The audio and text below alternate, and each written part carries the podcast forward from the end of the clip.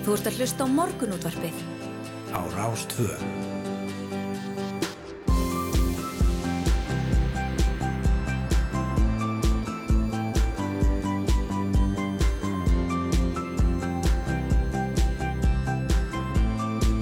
Morgunútvarpið Á Rástvö.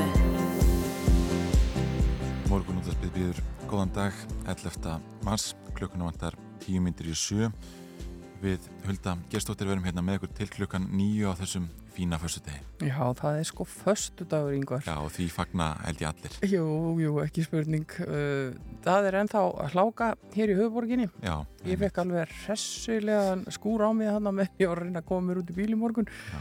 Og uh, ég held að flestir svona fagnir þínum bara að rigningin halda frá matla já.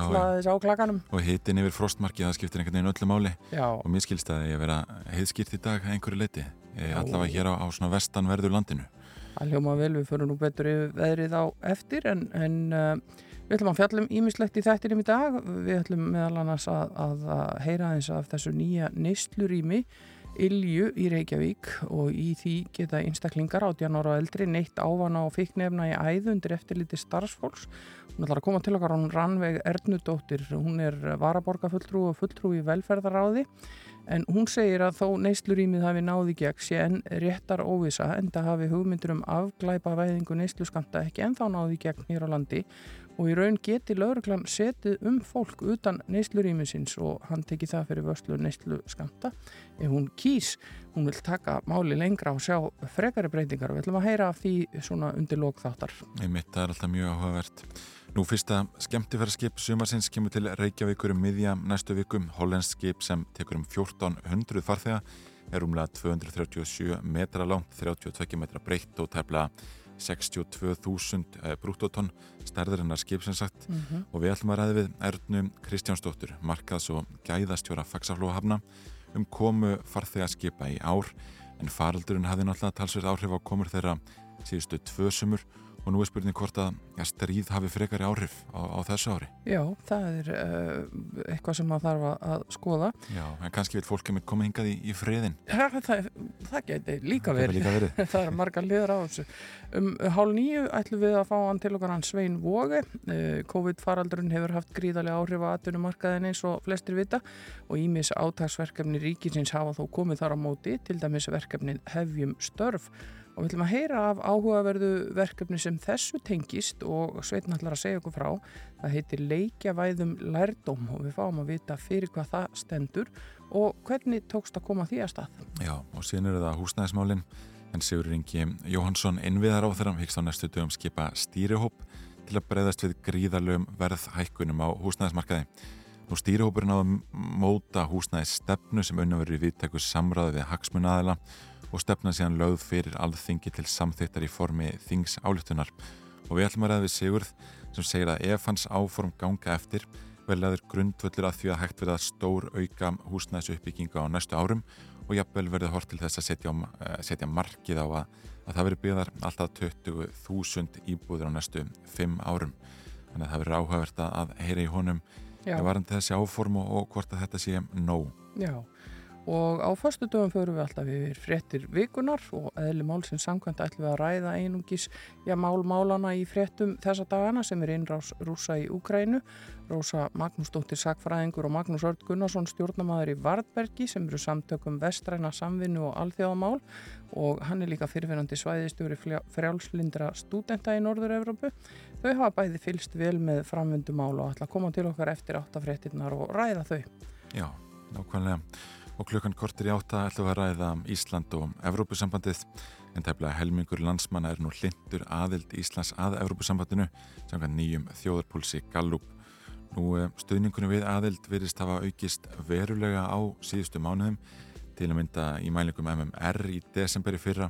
Það voru tæmlega 31% hlind aðild á meðan rúmlega fjá- 44% svarenda voru andvíir aðild Íslands að ESB og við ætlum að ræða þetta við Loga Einarsson, formann samfélkingarinnar og Ingu Sæland, formann Flokks Fólksins en hún hefur lagt fram þings áluttunar tillögu þar sem ríkistjórnin er kvöll að draga formlega tilbaka umsókn Íslands um aðild Já. og við þau ætlum að koma hérna til, til okkar um klukkan kortir í átta.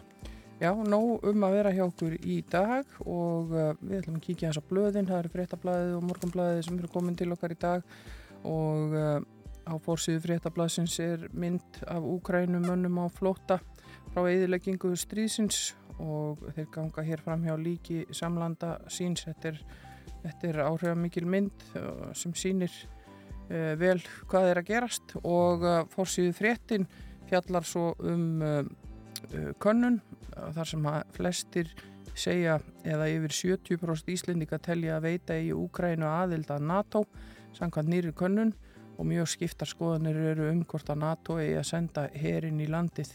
Og spurt hérna finnst þér að aðelda þjóður ESB og NATO hjálpa Úkrænu of mikið, hæfilega mikið eða of lítið?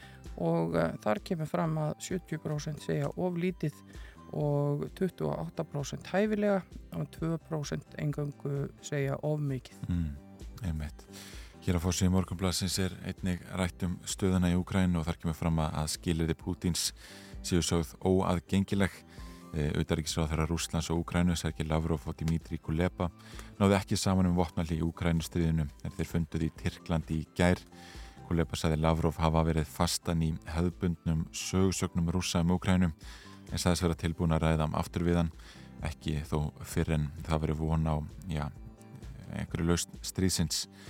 Nú að Ísraelska dagblæði Jérúsalem Post hafði eftir heimildamönnum sínum í gær af Vladimir Putin, Rúslandsfósiti hefði sett fram endanlegt tilbóð sitt til Selenski fósita um Úkrænu sem fælum meðal annars í sér að Úkrænumenn viðurkendu yfir að rúsa yfir Krímskaga sem á sjálfstæði Donbass hér aðana tvekja þá erði Úkræna að lofa því að ganga aldrei í allarsasbandalæð og skera niður hersinn. Þannig að það er ekki, já það kemur fram að ekki hafa verið hægt að staðfesta hvort frásögn Jérúsalem post væri rétt mm. en Fraklandsfósetti sagði fyrir leitu að funda Európusambansins í gæra þau skilir sem Putin hefði sett varu óaðgengileg fyrir alla. Já, á síðu tvö í fréttablaðinu er talað um uh, hólunar í Malbygginu og hér segir að það sé ekki einfalt að fá hólutjónin bætt og margir bílegundur sitt uppi með tjónið vegna skemta á hjólbörðum sem lent hafi í hólum í gatnagerfinu. Það tala hérna með hann Otto Frey Aðalsteinsson hjá dekkjavegstæðinu Solningu og hann segir öll dekk sem koma inn eru bara alveg ónýtt og tryggingafélög greiða ekki alltaf bætur vegna tjóns af þessu tægi. Í brefi vís til manns í Hafnafyrði segir að starfsmenn bæjarins hafi frett af hólunum stuttu áður og aðvaranir og viðgerir fóru fram innan eðlilegs viðbraðs tíma, segir hér og gáttu starfsmenn hafnaferða kaupstæðar því ekki komið í veg fyrir fyrir greitt tjón og það því niðurstað að vísa í þessu tilviki sé ekki um sagnæma hátt sem er starfsmanna bæjarins að ræða og því ber kaupstæðurinn ekki bóta ábyrð á umrættu tjóni. Já, þetta er uh, mál sem að margir er að pæli í þessa dagana. Já, en já. Það eru fréttir framöndan hjá okkur, við ætlum að fá fréttir á slæginu klukkan 7 eins og alltaf og að þeim loknum komum við hér inn og, og hefjum okkar dasgrá og förum að heyra í allskins fólki. Þú ert að hlusta á morgunútvarpið á Rástvöð.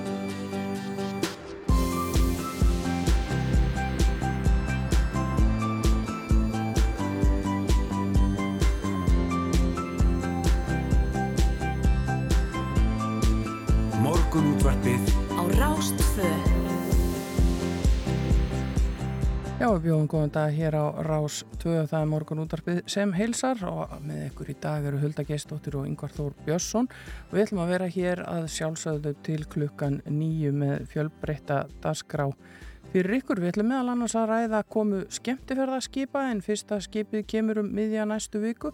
Við fáum Sigur Inga Jónsson innviðar á þeirra til okkar til að ræða húsnæðismálinn Við ætlum líka að spá í aðild Íslands að Evrópusambandinu og þau logi Einarsson og Inga Sæland tjásið um það. Förum við fréttir vikunar með Rósu Magnúsdóttur og Magnúsi Erni Gunnarsinni. Þar verða málefni Úgrænu í forgrunni.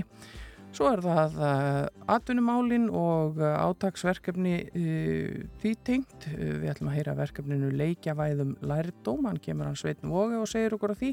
Og svo ætlar Rannveig Ernudóttir fulltrúi velferðaráði Reykjavíkur að ræða við okkur um nýtt neyslurími og næstu skref sem að, um, já, henni finnst þessu máli ekki lokið þó búið sér að opna neyslurímið en við heyrðum að þeir voru aðeins að tala um veðrið í frettunum Ef við ekki að kíkja eitthvað ítarlegar á það. Það skulum við gera. Í dag er söðaustanátt viða allkvöss og rigninga skúrir en þurft á Norrlandi og áfram að búast við talsverðri eða mikilli úrkomu söðaustan til á landinu.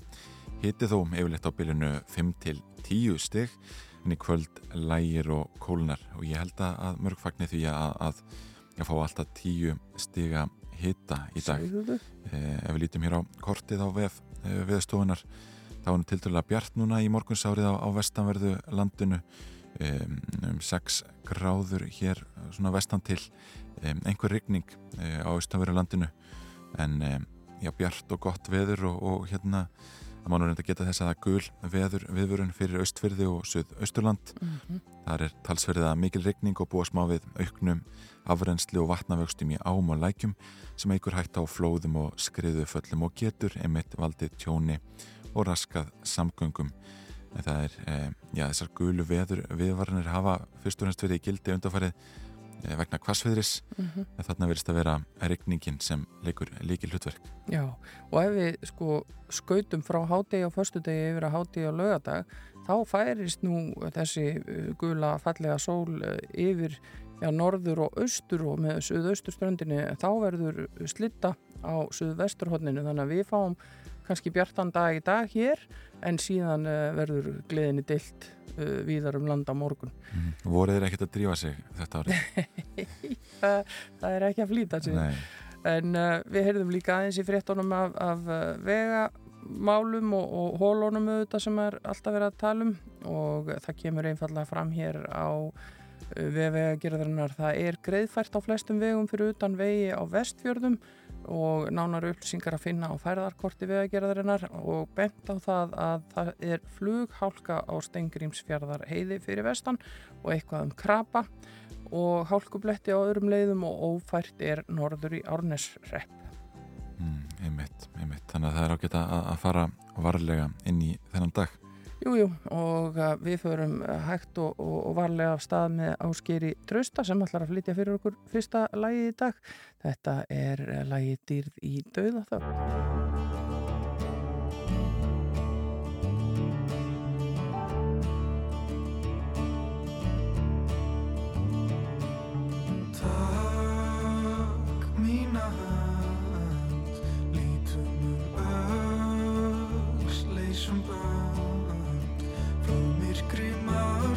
нашим друзям.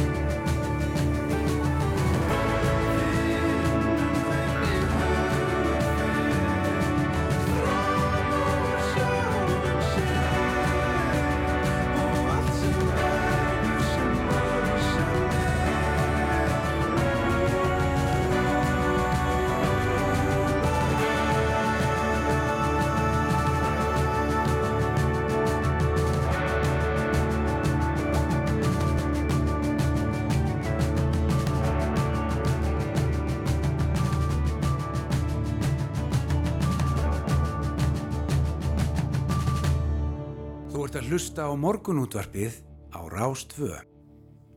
Jújú jú, og við rákum augum hér í forveitnilega frétt af vefnum okkar rú.is um uh, já, tilrunagla sem er svolítið flókið að ofna. Já, ekki mér er fram að vísendamenn bandarísku gemferðastofnunarinnar NASA hófu í gerð að opna tilrunaglas sem geymir eitt af síðustu órannsökuðu sínunum úr tunglferðum stofnunarinnar. Þannig að þetta er, hérna, þetta er mjög áhugavert. Það söpnuðist í örumlega 2000 berg síni í Apollo-ferðunum mm -hmm. en síni sem nú til skoðunar var sókt í desember árið 1972. Já. Og e, já, það kemur hérna fram að það sé mikið nákvæmisverk að opna sína klassið og tekur nokkrar vikur og með vorinu stendur svo til að losa berg sínið og brjóta það upp svo yndverði að rannsaka það nánar. Mér finnst þetta, sko mér finnst mjög áhugavert hvernig það getur tekið marga vikur og opna sína glas. Já, einmitt. Ég einhvern veginn áttar mig ekki alveg á hvers vegna það er. Kanski það er einhvern veginn að venja hennan, hennan hérna, þetta síni við, við andrúnsloftið á einhvern hátt. Ég áttar mig ekki á því. Við verðum að spyrja Sævar Helga þessu næstur hann kemur til okkar í, í vísindarspjöld. Ég var einmitt að segja við hann, ég hitt hann einhvern gangir um gera að mér langar svo að heyra frá hann um þennan áreikstur sem var, var lofsteitt sem lefði á tunglinu. já. það er rosalega margt að frétta af tunglinu. Já, ná að frétta úr, úr bara gemnum Já, ég sést okkur áhuga manneski um þetta, þessar tunglferðir allar vegna þess að það vil nú henni til, ég skal viðkynna það í útarfællara landsmanna hvað ég er honum gömul en ég er sérstaklega fættist daginn sem að Níl Armstrong gekk á tunglinu. Já, já, já. þannig að, að mér er alltaf þótt þetta svolítið merkilegu dagur. Já, þið deilið þessum degi saman. Já, við hefum þetta saman. En uh, hér framöndan hjá okkur við ætlum að ræða uh, komu skemmtifærðarskipa en það er von á fyrsta skipinu miðja næstu viku. Og hún er að koma sér fyrir hjá okkur Erna Kristjánsdóttir frá Faxaflóa höfnum En það eru þau uh, Sofía Björg og Krummi sem að leiða okkur af stað og flytja hér næsta lag sem að heitir Bonafide.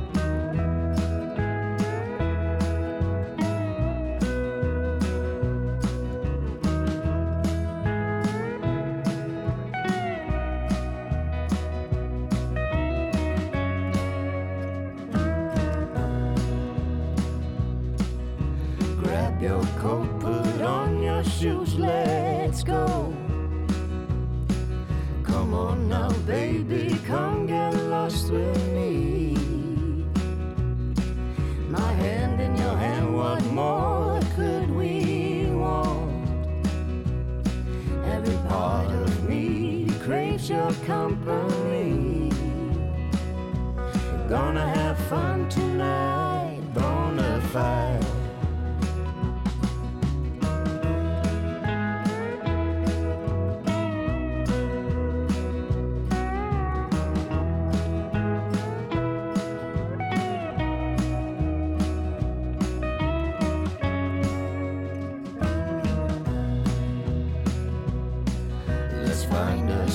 Where no one is around. Just you and me and a big bottle of wine. Gonna have fun tonight, bona fide. Gonna have a hoot and any come outside. Don't waste your time, on fools. Let's have fun. Forget about your troubles and dance with the night. I know you've been down and out for so long.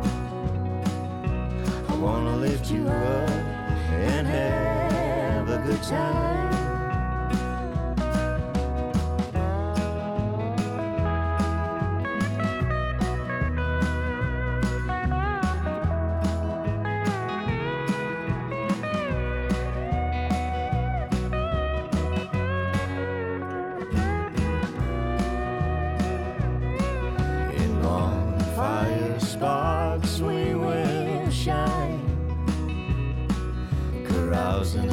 dancing all night long.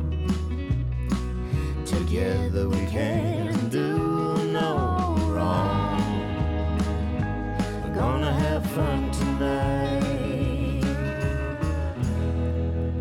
Bonafide. Don't waste your time on fools. Let's have fun. Forget about your troubles and dance with the night. I know you've been down and out for so long. I wanna lift you up and have a good time. We're gonna have fun tonight.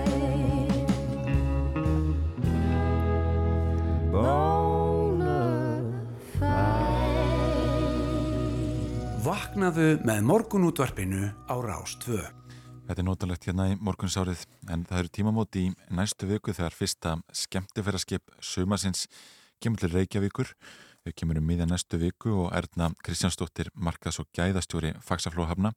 Hún er kominninga til okkar, góðan daginn. Góðan daginn. Sko, hvað getur þú sagt okkur um, um fyrsta skemmtifæraskip sumasins? Já, fyrsta skemmtifæraskip sumasins, það er að koma núna þann á miðvíkudaginn 16. mars Mhm. Og þetta er svona miðlungstórt skemmtifæraskip og með því koma í, eða þú skipi getur tekið í rauninni 1400 farþega Já, og 620 aðila í áhöfn.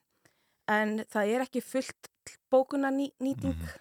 hjá skipinu einmitt. þannig að það er að koma í kringu 700 farþegar í þetta skipti. Já, og ég býst við að þetta verði svoleiðis alveg fram á sumarið. Skipafjölögin byrja hægt með svona 50-70% nýtingar hlutvall mhm, og síðan mun það ábyggla aukast Já. eftir því sem líða fyrir sumar og þegar þið sjá betur hvernig þetta er alltaf ganga hjá sér. já, hvaðan er þetta skip að koma?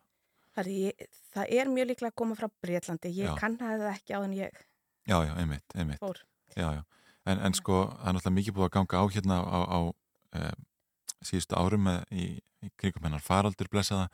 E, hversu mörg skip hafa verið að kominga á síðustu árum og, og, og, og hvað er vona mörgum í ár?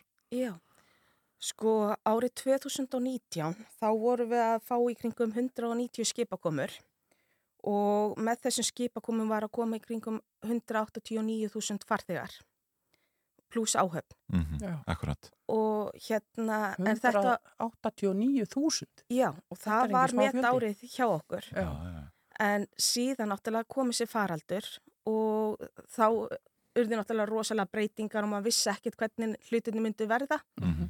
og eftir árið 2020 þá var bókuna hlutfalli í byrjun ás mjög svipað og árið áður, áður en í lok ásins fengum við bara sjö skipakomur með 1300 já, farþega. já, já. Þannig að þetta var alveg gríðaleg, gríðaleg munur og líka bara svona tekjufall fyrir eins og hafnirnar margar Mhm. í kringum landið. Hjá okkur er, hérna eru tekið faksaflóhafna, við erum að fá í kringum 14% af tekjunum okkar mhm, í gegnum þessi farþegaskip. Já, en sumar hafnirnar eins og Ísafjörður og Akureyri þar var þetta alltaf 30-50% skerðing á þeirra mhm. starfsemi. Þannig að þetta var- það mun að þessa litlu hafnir mun meira heldur en okkur hér í bænum sem eru kannski með meiri já, svona hvað á önnur maður að segja já, Já, já, já. En, en sko, hva, hvernig mun síðan sumarið í, sum, að, hvernig mun sumarið 2022 uh, líta Líta út uh, núna í Já. svona samanbyrði við fyrir ár? Hafið áhyggjur af því að, að hérna að stríðið uh, setja strik í reyningin? sko hérna allan ég ætla að byrja kannski bara að tala um hvernig árið í ár mun líti út mhm, Sko hjá okkur eru bókar 207 skipakomur með hérna 217.000 farþega. já, En þetta er byggt á væntingum skipafélagin að koma hinga til lands. Útgerðirna bóka 1-3 ár fram í tíman mhm, og það er ekki að afbóka hjá okkur fyrir en einni viku og stund, þú veist, það kemur kannski mánuði fyrir en yfirleitt er það svona bara viku áður en þeir eru að koma til Mhm. landsins sem þeir eru að afbóka. mhm, Þannig að ég held að við um eftir að sjá kannski breytingar á þessari tölu í kringum júni, þú veist, þá verða aðra tölu komnar e, og kannski raunhæfari tölur. En hérna varandi stríðið og annað slíkt þá held ég, þú veist, það vorum mikið að skipum að fara í Baltiklöndin, þú veist, og það er í kring. Já, en hérna ég get alveg hægt trú á því að þau fara að kíkja á öryggari staði til þess að fara með skipin sín á. Mm Þannig að þetta gæti alveg haft áhrif að það kæmi hingað jápil fleiri. Jafnveg fleiri en maður bara veit ekki. Það er allan Mm. ekki fara að komið ennþá til Nei, okkar. nei, að nei, En, en svo eru þetta svona ýmsar afleitar afleiðingar eins og þetta, þetta hækkandi olíuverð, það lítur að hafa áhrif líka. já, það hefur allt áhrif. Já, já, einmitt. En, en þeir eru þá búast til metfjölda skipa í ár eða hvað? Uh, sko ég held persónulega þetta verður ekki alveg eins og árið 2019, þú veist, þegar það búið að siktast allt úr, þá verður þetta kannski í kringum þá tölu. Það, Mhm. Þetta verður ekki, held ég, 217.000 farþegar eins og er búið að bóka í dag. Nei. Ég held þetta verði kannski nær tölunni 2018-19. Já. Mm. En Það er allan að mun raunhæfara, þú veist, með að við hvernig ástandið að því uh, bara með að við nýtinga hlutfalli líka á skipunum. Þau eru að koma, við sjáum bara Borealis, það tekur 1400 farþega en þeir eru bara að koma með helmingin til landsins og það mun vera þannig alveg held ég fram að sumri og eitthvað fram eftir sumri. Já, og hvað eru hafnindar að gera, í hverju fælst þjónust að fagsaflóða hafna við svona skip? Er það, það er ekki bara að- að að binda spottan? Nei, sem sagt við erum með dráttabáta Já, og við sendum dráttabátan okkar að taka á móti skipunum við Engei og þeir sigla og fylgja þeim bara inn, leiðbeina þeim hvernig þeir koma að og síðan taka hafna þjónustumennir okkar við Mm. Og þegar því öll er lokið þá koma hérna ferðaþjónustaðilar og þeir hérna flesta ferðirnar eru skipulaða ferðir þannig að það er alltaf vitað hvert þessi farþegar er að fara. Mhm, en það hefur samt farið að, eða þú veist það fara, færast í aukana að fólk er farið líka að panta sér bílaleigubíla og annað slíkt og fara sínar eiginferðir já, já. Þannig að þannig er í rauninni ferlið. Já, en síðan erum við líka með þú veist þessu skipambósmennir þeir eru að sjá um öll samskipti á milli þú veist skips, hafnar ríkisins Mhm. og við þú veist segjum svo svo ef það kemur eitthvað upp á um borði í skipinu mhm, þá eru þeir að tala við sjúkrahúsin og reyna að retta fólki þangaðinn já. og síðan kannski missið það að ferðinni sinni þá þurfa þeir að bóka nýtt flug fyrir það til þess að komast á leiðarenda og já, það er ímislegt sem getur komið upp á. það er ímislegt sem getur komið, já. En hvað eru skipin að stoppa yfirleitt lengi? Er þetta bara yfir daginn eða er þetta í ykkur að daga? Sko, yfirleitt eru þau að koma mótnana og fara svona um 5-6 leitið á daginn Mm. en það er að aukast mjög mikið að skipin er að eh, stoppa í sólaring og eins og þetta Borealis sem er að koma núna það stoppar alveg í sólaring hérna í Reykjavík áður en það fer síðan að næstu áfangastað í ringi kringum Ísland. Mhm. Þannig að það er allan að aukast mjög mikið að þeir að stoppa lengur hjá okkur. Já, já. Og það er kannski verðt að tala um að þú veist, það er hægt að ski, skipta skipunum í þrjá flokka. Það eru þessu litli skip og leiðanguskip sem geta tekið 50 til hérna 350 manns. Mhm. Síðan er það þessi miðlungsstóru skip eins og Borealis sem er að koma. Þau geta tekið frá 350 upp í 2 2000 manns og síðan er það þessi stóru skip sem eru 2000 upp í 4500. Og í ár eru ekki mörg þannig skip að koma. Ég taldi það mitt í morgun á hann ég Mhm. kom í vitali hjá okkur. Mm. Það eru skráð þannig fjögur skip hjá okkur Mhm. Af þessum stærstu. að þessum stæðstu Mm. Og maður veit í rauninni ekkit almennilega koma þau, koma þau ekki að því þau eru svo stór ég veðja meira á að þessi litlu og miðlungstóru Já, láti sjá sig. einmitt. Það hefur Þú verið veist- meira um það á undanverðnum árum eða Já, já, síðustu tvö árin í þessu COVID ástandi þá hafa þessar tegundir skipa komið Mhm. og síðan er líka það sem er svona daldi áhugavert við þessi litlu leiðanguskip og litlu skipin er að þau hérna þau eru skipin sem komast á flestar hafnir landsins og yfirleitt eru farþegarnir þeir eru að koma með flugi til landsins Já, já. Og, og stoppa hérna í nokkra daga annarkort áður eða eftir ringferðina sín í kringum landið. Mhm. Þannig að þeir eru að, þú veist, fara á hótel, þau eru að fara neyri bæjað, þú veist, út að borða og, Mhm. og eru að kíkja í búðir. Þannig að þetta er svona, þetta er sá hópur sem er svona kannski hagkvæmastur fyrir þjóðarhagbúið Mhm. og við erum að sjá svo mikla aukningu í þessum farþöðum hjá okkur. Yfirleitt var þetta í kringu svona, 2012 voru þeir í kringu 1200, Mm. í dag eru þeir orðinir 17.000 Mhm. og þetta er að gera og við erum að sjá mikla aukningu þessu á næstu árum og það er ástæðan fyrir því að fagsafláhafni við erum að fara í svakalega framkvæmdi núna á Skarfabakka. Við byrjum núna í sumar á svona bráðabyrðar aðgerðum að við erum með, búin að leia 2300 fermetra tjöld Mhm. sem við ætlum að hafa. Við vorum að vesla inn svona til þess að hafa þetta bara eins og á flugvöllunum þannig að það verði faranguskanner og málmleita hlið og allt sem Já, til einmitt. allt sem til þarf og síðan erum við í samstarfi líka núna, nú erum við að tala við laurugluna og landamæra eftirlitið því þeir ætla að fara að hafa eins og Keflavíku flugvillu svona sjálfs skannera þannig að fólk getur bara að skanna sér sjálfur inn. Einmitt, já, það er mjög áhugavert. En það hefur verið talað um það svolítið á síðustu árum að vera fjallað um þessa mengun og, og loftgæðin og, og Mm rafvæðingu hafna og annað slíkt. E, svona er einhver framþróun í, í þeim málum? Herðu, já, það er framþróun í þeim málum. Sem sagt, þann hérna 1. janúar 2020 þá setti hérna Guðmundur þáverandi, eða fráfarandi hérna umhverfis og auðlindar ráðherra, hann setti fram reglugerð um að hérna brennistins innihald í skipaeldsneiti mætti ekki vera eða fara yfir 0,1%. Mm. Og það gerir það að verkum að í rauninni geta skipin ekki silt inn á svartólíu og síðan er líka skipum skilt að hérna, eða þú veist, skipin í rauninni þegar þau koma að landi þá slökkva þeir á aðalvélunum sínum en eru með hérna kveikt á, hvað heitir það aftur? Mm. Þeir eru með kveikt á Einhvers konar, annars konar afli? annars, já, Já. ljós, ljósvélunum sínum. Já, já, einmitt. Þannig að uh, það eru breytingar og umhverfistofnun er og sér alveg um eftirlít á þessum málum og sér um að þetta sé framfyllt hér á landi.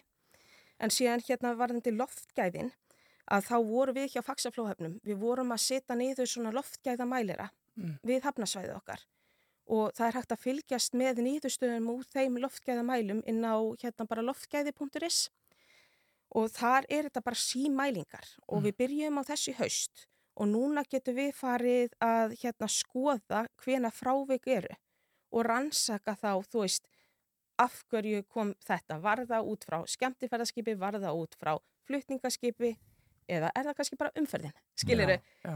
ríkmengu frá umferðinni, þannig að uh, það er óbúslega gott að þessi framþróun sé komin. Og varðandi hérna orkuskiptin að þá hérna uh, er náttúrulega búið að vera mikið að tala um þessa orkuskiptingu hjá hö- höfnum. Og við hérna erum að leggja gríðalegt fjármagn núna í landtengingu á skipum.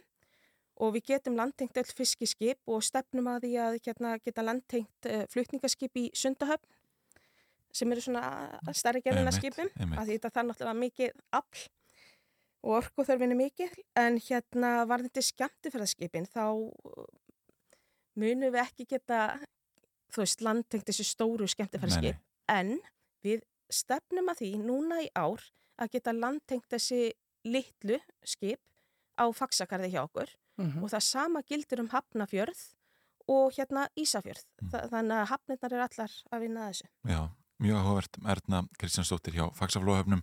Takk fyrir að koma til okkar í morgunúðarspið. Takk hjálpa fyrir mig. Já, mjög áhugavert eins og segir og greinlega mikil þróun í gangi. Hér framöndan stutt fréttaeflit á slæginu hálf og svo ætla Sigur Ingi Jóhansson innviðar á þeirra að setjast hjá okkur og ræða já, eitt af stórum málunum sem eru húsnæðismálin.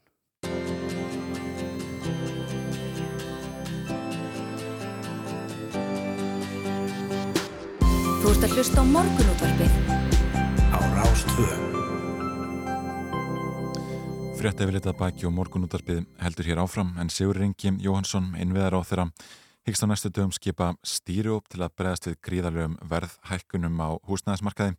Stýriópurinn á að móta húsnæðisstefnu sem unin verður í viðtaku samræði við hagsmuna aðila og stefnaði síðan lögð fyrir alþingi til samþyktar í formi þingsálutunar. Og Sigur er komininga til okkar, góðan daginn. Já, góðan daginn. Þú skrifar greinum um þessi áform í eh, já, morgunblæði gær. Eh, Já, kannski bara byrja því að fara örstutt yfir það hvað þú ert að leggja til. Já, við höfum hérna séð talsvert svona miklar breytingar á húsnæðismarkaði á liðnum árum og miklar áskoranir og satt best að segja að þá uh, vorum við hér fyrir nokkrum árum með uh, starfsóp og vegum ríkstjórnarinnar í tengstum við sko lífskjara samlingana og þar var- vorum við að reyna að meta stöðuna hvað væri margar íbúður á leiðinni og hvað þyrfti margar. Og það jákvæða er að það er, það, sko, þau plön gengu öll eftir. Mm. það er áallanir sem þá voru lagðar til og menn sáu svolítið inn í framtíðina það sem hefur síðan gerst er COVID. Og allt í einu hurfu miklu fleiri íbúðir út af markanum það var svona ekki dósvipað bara og, og gæludýr og hestar og hjólísi það, bara, það, það kvarf allt ég held að það við verið yfir 14.000 sölusamningar á íbúðum á síðast ári og hafa aldrei verið fleiri Mhm. og raun og verið aldrei meira byggt að, uh, fjö, yfir 4500 íbúðir. Um, og allt í einu horfum við bara núna síðustu mánuðum fram á svakarlegan skort. Þannig að við erum í, í núna að í tengslu við þessa vinnu upp nýja ríkistjórn, stokkuðum upp stjórnkerfið, settum skiplas og húsnæðismál inn í, í samráðunitu og sveitastjórnamálin og samgöngunar til þess að fá að segja við sín.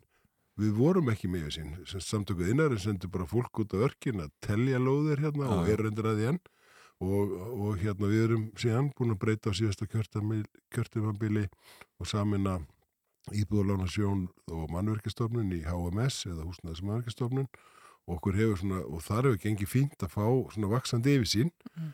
húsnæðis áallanir sveitarfélaga er orðna stafrænar þannig að við erum komin með svona rauntíma upplýsingar þetta er ekki skýslur upp í hillu mm. sem engi skoðar, heldur er þetta bara upplýsingar sem eru, eru hérna online sem var sletti nú uh, við settum inn mannvirkjaskrá út úr hérna fastegna eða sem út úr þjóðskrá inn í HMS í höst þannig að bara núna þá erum við með miklu betri yfirsýn um stöðuna mm. heldur við vorum með fyrir þremmánu eða hvað þá einu árið eða fyrr. Og erum núna semst að ganga í það að færa allt fastegnamatið eða fastegnaskráina, landskrána undir sama hatt semst að færa þessi þennan hluta þjóðskrár uh, saman við HMS allt í þessu skeni að fá betri yfirsýn til þess að við höfum stjórntakinn mm. og nú kemur ég að segja hérna, þetta var langur aðdragundur að, að svarinu og síðan er það þannig að það þarf að setja fram húsnæði stefnu og það hefur ekki gert og mm. þess vegna er þetta hinn fyrsta og, og við erum aftur búin að endurvekja þennan hóp á vegum ríkistjórnarinnar og þjóðhagsraðs í tengslum við þá vinnu með semst öllum aðlu vinnumarkaðir eins, sveitarfélagunum, selabankanum og ríkistjórninni uh, með sama fólkinu í, í farabráti allavegana, Gísla, Gísla sinni og önnu Guðmundu sem er hérna frá Yngvastóttu sem er hérna aðstofafóstur í HMS og Gísli er hérna gamli hafnastjóri í Faxafláhafna og bæjastjóri Akranis og þeim, þetta gekk rosa vel hjá þeim síðast og við vendum mikils af því núna og í tengslu við þeirra vinnu núna er ég síðan að, að reyna að tekna upp hvað við þurfum að gera. Mm. Og þess vegna var ég að segja frá því að við séum með, með plan. Við sjáum fyrir okkur hvað þurfum að gera svona í stórum dráttum en það samtal er að hefjast.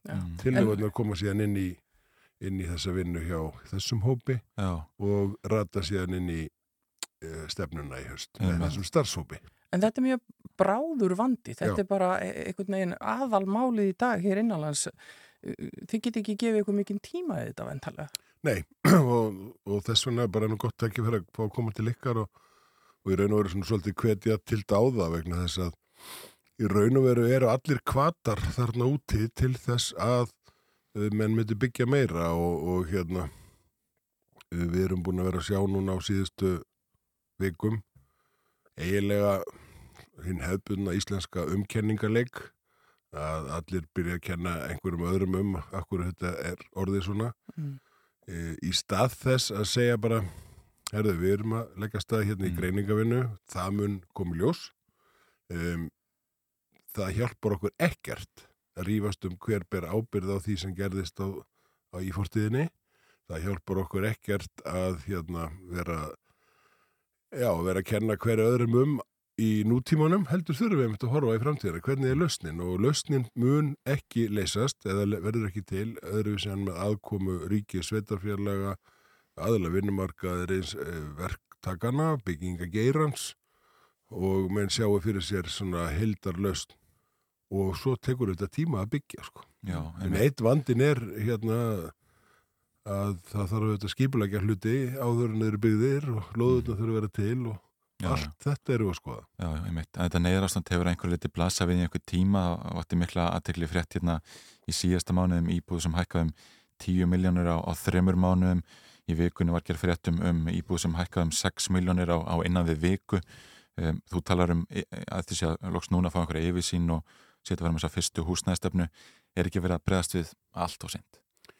Jú, en eins og ég sagði það, sko, að því að nú ert þú komin um, umkenningarleikin að hérna í upphafi síðasta kjörtiðabils í aðdraganda þeirra kjærasamninga þá settum við á legginnar hóp og þá, miða við þær upplýsingar sem við höfðum þá Mm. og bestu manna yfir sín, þá þurfti 3000 til 3500 íbúðir og tíma, á tímabili þurfti þær heldur fleiri og allt þetta var byggt. Er semst, allar forsendurnar gengu upp, eh, en svo bara gekk það svo langt. Og hvað hefur gerst síðan? Jú, einhverju leiti heldum en ekki áfram að byggja, einhverju leiti vegna. Er það COVID? Uh, mistum en kerkin að lána, voru til nægilega margar lóðir. Allt þetta skiptir ekki öllu máli. Við verðum bara að leysa það. Mm. En auðvitað mun það komi ljós í þessari vinnu hver voru ástæðunar fyrir þessu. Já, já. En, en, en akkurat núna er til dæmis komin ný hérna, mannfjöldaspá í gegnum þessar áallanir og, og vinnu hagstofunar og núna er ekki verið að tala um þessar 3000 til 3500 til langstíma heldur 3500 til 4000 Mm. semst okkur hefur fjölgað. Í, á COVID-tímanum þá fjölgað okkur um 10.000 manns kom fólk hvaðan úr heiminum og vildi vera hérna í örugu skjóli og góðu heilbreyðskari. Já, en, en þú talar um það í greininni að, að þið setjum markið á að, að það veri byggðar alltaf 20.000 íbúður næstu 5 árum. Hvernig á að gera það og er það raunhæft? Já, það er raunhæft og það er sem sagt og, þörf, og ég segi 20.000 vegna þess að eins og þið hérna nefnið að þá er, er hérna þörfin aðkallandi og það verður auðvitað erfitt að, að rikka upp einhverju á árunni 2022 okkur sýnist að það gæti verið svona 3100 íbúðir sem kemur á markaðin á þessu ári. En við getum núna í ár haft áhrif á hvað verða margar 23 og augljóslega 24 og inn í þann tíma. Þannig að til þess að ná þessum markmiðum 3500 til, til 4000 íbúðir og þe- þessu, hérna, þessu gapi sem er núna þá þurfum við 20.000 íbúðir á næstu 5 árum. Mm. og það er planið og það gerist með því að draga alla að borðinu. Um, við erum að horfa á svona fyrirmyndir til að mynda eh, finska húsnæðisáallunin og, og hérna sem að hafa sest niður með sveitarfélagum og öðrum aðlum og reynd að finna út úr því hvernig hérna hvernig við tryggjum nægilegt frambóð af lóðum hvernig við náum samtali við aðla vinnumarkaðiris og byggingargeiran í að allir sko fari í sömu átt og, þess, og, og það sé nægilega yfir sín og, og fórsendan er svolítið það sem við erum búin að vera að gera leginum árum. Mm. Já. En það er auðvitað mest búið að tala um þennan vanda hérna á höfuborgarsvæðinu en þetta er landlægur vandi, það vandar húsnæðum all land. Já, það, það er einmitt, það er sko, hlu, sko það, lausnin felst ekki því að byggja á einhverjum einum stað. Það er, við vitum til dæmis, það er gríðarlegur uppgangur hérna í kjarnanum í kringum höfuborgarsvæðið. Um, er það afleiðing af því að það er ekki nógu mikið að gerast á höfuborgarsvæðinu? Um, leysir það vandan sko á, fyrir utan kvítar kvítarsvæði, djúbavogi og Norðurlandu og Vesturum? Nei, það gerir það ekki. Hann er auðvitað staðbundin, þannig að á síðasta kjörtinanbili var unnið heilmikið starf í því að búa til eh, verkefni sem að eh, undir nafninu Tryggð byggð sem að sneri þá að landsbyðinni uh, og uh, við þurfum svolítið að læra af þeirri reynslu hvað gekk vel og hvað ekki Já, og spýta þar líka í lóna því að þetta verður að vera heldar sín á öllu landinu.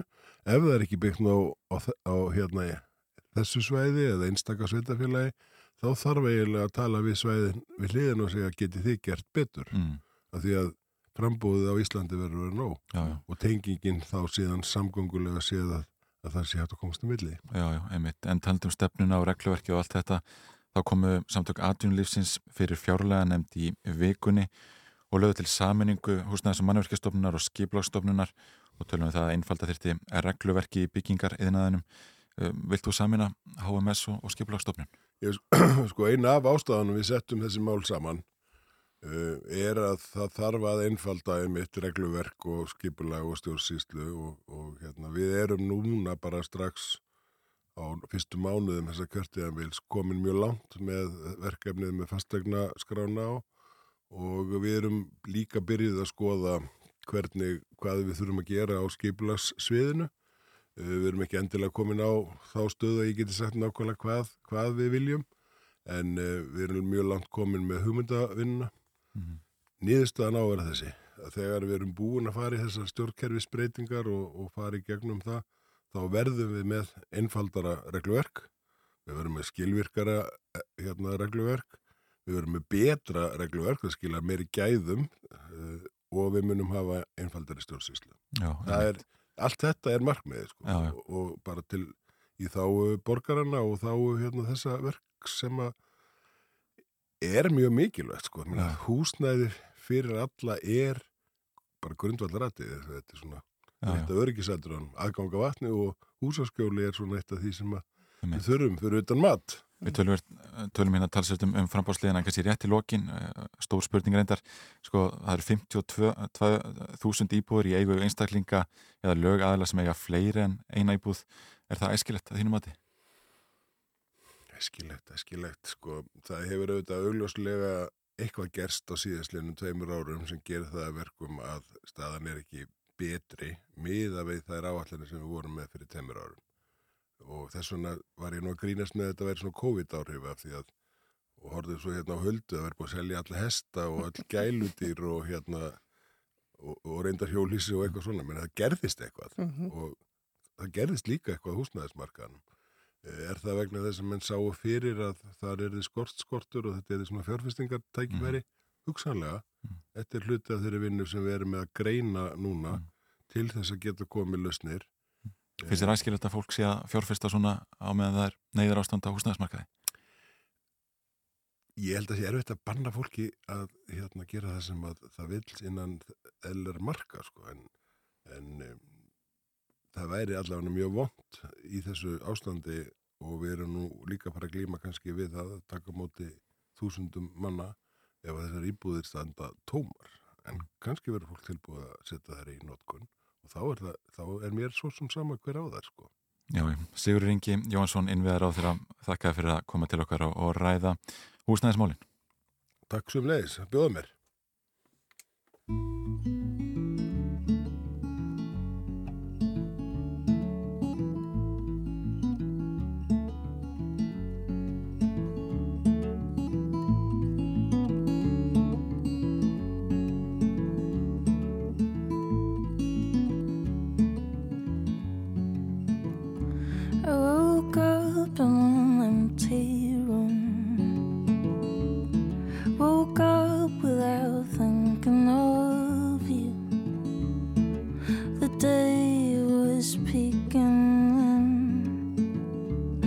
In.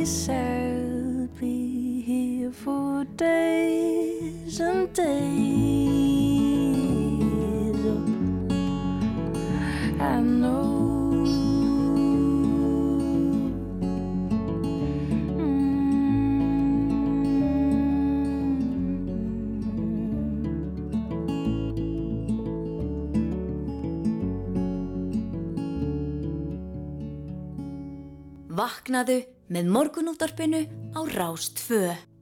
Já, nú aðmalegt að vakna með henni árnýju Margreti. Þetta var uh, lagið hennar Akureyri. Einmitt, en við ætlum að ræða hans Ísland og Evrópusambandið en tefnilega helmingur landsmanna er nú hlindur aðild Íslands að Evrópusambandinu samkvæmt nýjum þjóðarpúlsi Gallup og stuðningurinn við aðild það verist hafa aukist verulega á síðustu mánuðum og hingaði hljóðverð 2 í efstaleitir komin Lógi Einarsson, formaður samfélkingarinnar og Inga Sæland er á, línuna, er á línunni. Góðan daginn bæðið 2. Já, góðan daginn. Góðan daginn. Lógi, hvers vegna heldur að þessi meðbyr sé með Evrópusambandinu núna? Já, ég held að fólk átti sig á því í þessu umróti sem við upplifum núna að hérna, það skiptir máli að vera í fjölþjóðlu sambandi við vinaþjóðir og það er ljóst að ESB er að taka sér vaksandi hlutverk í varnar og öryggismálum. Eh, þetta er friðabandalag sem hefur gengt miklu hlutverki Þannig ég held að fólk átti sig á því að, að við þurfum margvíslegar leiðir til þess að tryggja okkur öryggi frið. Það eru þetta efnaðslega rauk fyrir því að vera í Evrópsambandinu en akkurat núna held ég að þessi sveibla hafi með það að gera að við erum Evrópuþjóð og viljum vera meðal Evrópuþjóða. Ég mitt. Inga Flokkur Fólksins hefur látt fram þingsálduna til þar sem ríkistjórnum er kvött til að draga formlega tilbaka umsókn Íslands um aðild að sambandinu. Sko hvers vegna leggir þið þessa já, álutun fram og, og eh, eru við þá að missa af, af já, mikilvæg málum í, í varnar og örgismálum sem, sem sambandi er að, huga núna? Nei, nei, það það er nú af og frá og ég veit ekki betur en við séum í, í varnabandalæginu NATO og ég veit ekki betur en að að, eh, já, ég er í þriðja sinn sem ég er að fara að leggja fram þessa þingsáletuna til lög og hún byggir nú aðalega á því að uh, við hófum hér aðeldar viðræður um yngangu sko fyrir meðin tíu árun síðan og það eru sju ár frá því að það var gert hlið á þessum aðeldar viðræðum og og samningarnemnd Ísland sem var í kjölfari leistu upp árið 2013 og voru 2015 þá sendi þáverandi utanrikkisráð þeirra Gunnar Bræði Sengsson bref til formansráðherrar ás Evrópusambansins og framkvæmdastjóran ágrana stefnu og aðelda viðranna sambansins þar sem að hann fór þess á leit, þar ekki stjórn Íslands uh, gengi formlega frá því að, að, að aðelda viðraðum uh, er þið hægt en í raun og veru þá var það svo sem ekki á hans valdi sem utaríkis ráð þeirra að gera það. Það er, er þingir sem á að taka slíkar ákvarðanir þannig að í rauninni er þessi þingsálduna tillega ekki spurninginu um það hvort að flokkur fólksins og Inga Sæland er á móti að Evrópusambandinu og yngöngu Íslands tanga sem við jú erum. En munum alltaf verið að þjóða vilja hvað það varðar. En uh, þetta er bara til þess að koma á reynd hvort að raunverulega við séum þarna með aðeldar umsókn onni skúfu sem að má bara taka upp og halda áfram með eða hvort að þau var tekið marka á þessu brefi sem að, sem að þá er að Dutaríkisráð þeirra sendi á sínum tíma. Það er nú það, er nú það. En, en, að, en ég tek hundi það að ég býst við að það sé út af þessu ástandi núna, þessu skel, skellingu sem að, bríðu hér yfir Úgrænu og sem að, sem að verður kannski vaksandi hvað ég segja, vaksandi vilji til þess að, að ganga í Evrópusambandi en þá allavega ekki við um okkur. Við, við, vildum frekka sjá uh, að við endur nýjum eh, meira samband okkar við bandaríkja menn og, og hefðum hér varnir á landinu sem að það gætu varið okkur því að við erum jú eina þessum þjóðum sem að erum í NATO, við erum eina þessum þjóðum sem að rússar hafa yfirlist sem, sem óvinn veittar þannig að við erum ekkert stykk frí hvað það varðar en, mm. en uh, ég uh, tel að okkar sjálfstæði sé meira virði heldur en nokkur, uh, nokkur ESB aðild ég... að, að við erum hér með treyfju stóðinni inn í Evrópusambandinu má segja í gegnum ES samningin þannig að og ég tel það bara og við flokki fólksins miklu meira heldur en nóg. Ég held reyndar að við myndum auka fullveld okkar með þáttöku í Európa-sambandinu möguleika á betra vaksta stíði fyrir almenning. Ég held að núna borga fyrirtæki, ríkið og heimili um 200 miljardar í vakstakostnað umfram það sem við værum ef við værum með svona vakstasteg Európsamstins.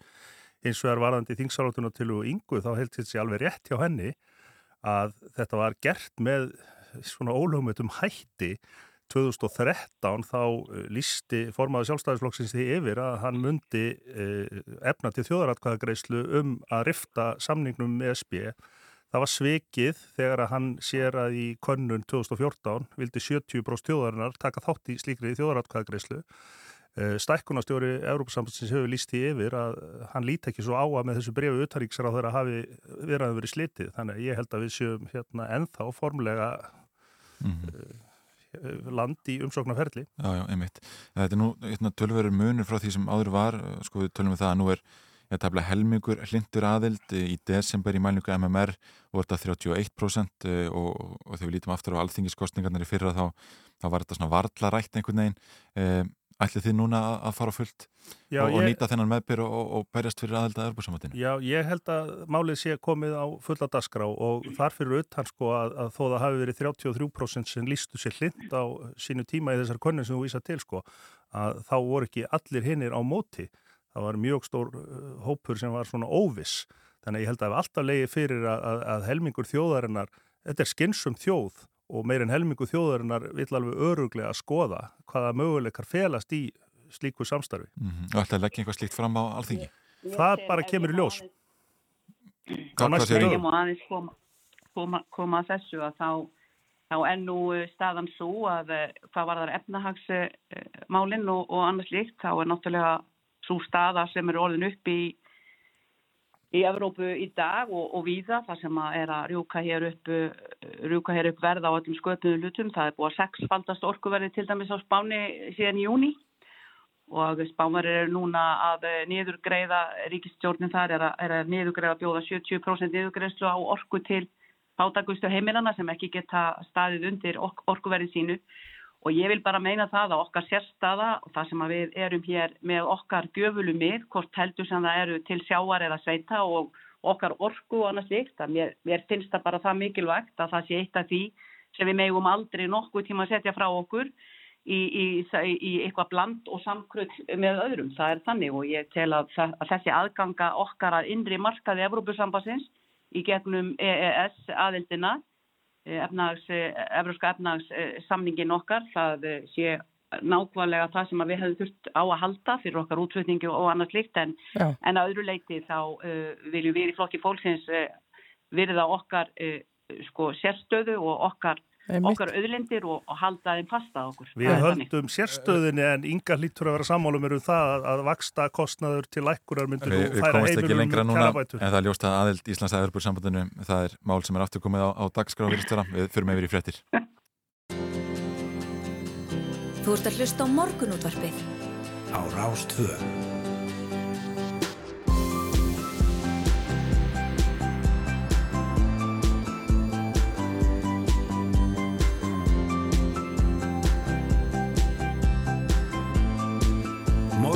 Morgunútvarpið á Rástfö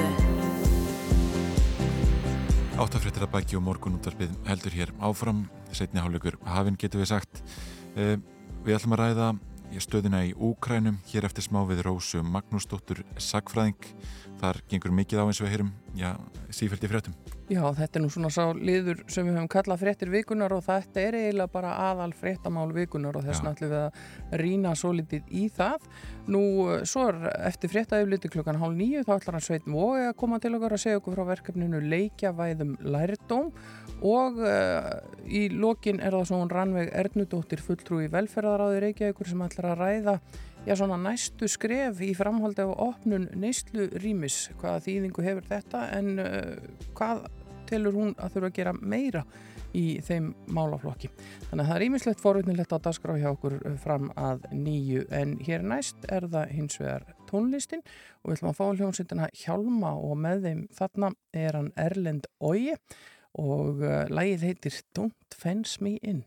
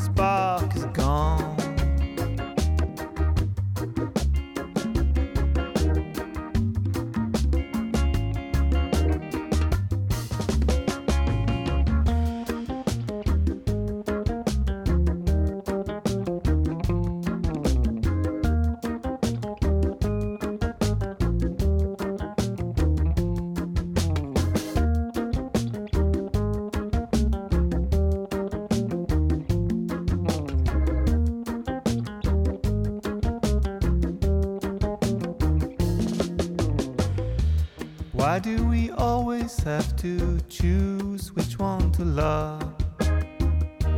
Why was the love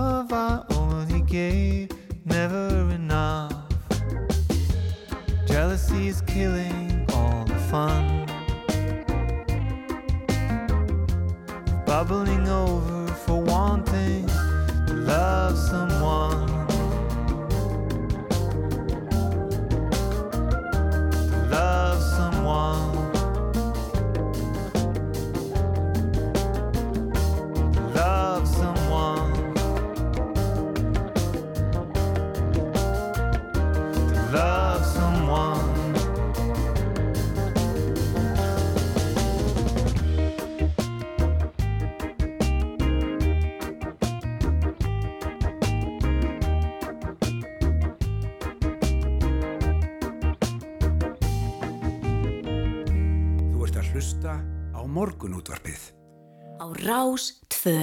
Vissulega, og ég sagði að lægi hétti Don't Fence Me In, það er nú tónt rugli mér, lægi heiti bara Fence Me In, hann vill fara inn í þessar já, já. ástargirðingu sem þannig er í búið. Það er ágætt. En við ætlum að ræða eh, stöðuna í Úkrænu núna. Rósa Magnúsdóttir Sagfræðingur er kominninga til okkar, góðan daginn. Góðan daginn. Eh, Við rættum það nú aðeins áðan að auðaríkisráð þeirra Rúslands og Úkrænu, Sergei Lavrov og Dimitri Kuleba náðu ekki saman í gærum um vopnalli í Úkrænustriðinu. Um, það var talað um það um, að Ísalska dagblæði Jérúsalem Post hafi eftir heimildamönnum að, að Vladimir Putin hefði sett fram endanlegt tilbúið sitt til Selenski, fórsetta Úkrænu, sem fæli annars vegar í sér að, að Úkrænumenn viðkendu yfiráð rúsa yfir Krímskaga sem og sjálfstæði Donbass hér aðana tveggja og að Úkræna mætti aldrei ganga í allarsasbandalæð og þú náttúrulega þekkir þessa sögu vel eh, Pútin er að einhverju leiti að, að beita sögulegum rökum fyrir því að innlima þessi héruð í Rúsland Já, hann hefur sko beitt margvíslegum sögulegum rökum í öllu þessu ferli og einmitt eitt af því sem hann hefur talað um það hefur verið að Úkræna og Rúsland eigi sér svona sameinlega sögu og það sé einhvern veginn í eðli þessar, þessar sambandsmilli þjóðan að tvekja að milli þeirra ríki eining. Þannig að það hefur, hérna, snú, hann hefur mikið notað þetta og sérstaklega til þess að skoða þess, samband þessara austur hér að það í, í Donbass eftir að rússar bara fóru inn og tóku krím. Eh, þá svona voru uppi áformum að taka þessi svæði þarna í Donbass eh, strax ára 2014 en það hefur ríkt stríð þar núna síðustu átta árin. En, en hann réttlætti það meðal annars með þessu, þessari hugmynd hans um að það bara séu, þetta tengist líka hrunni Sávetríkjana sem að hann sér sem sögulumistök, stærstu mistök 20. aldarinnar.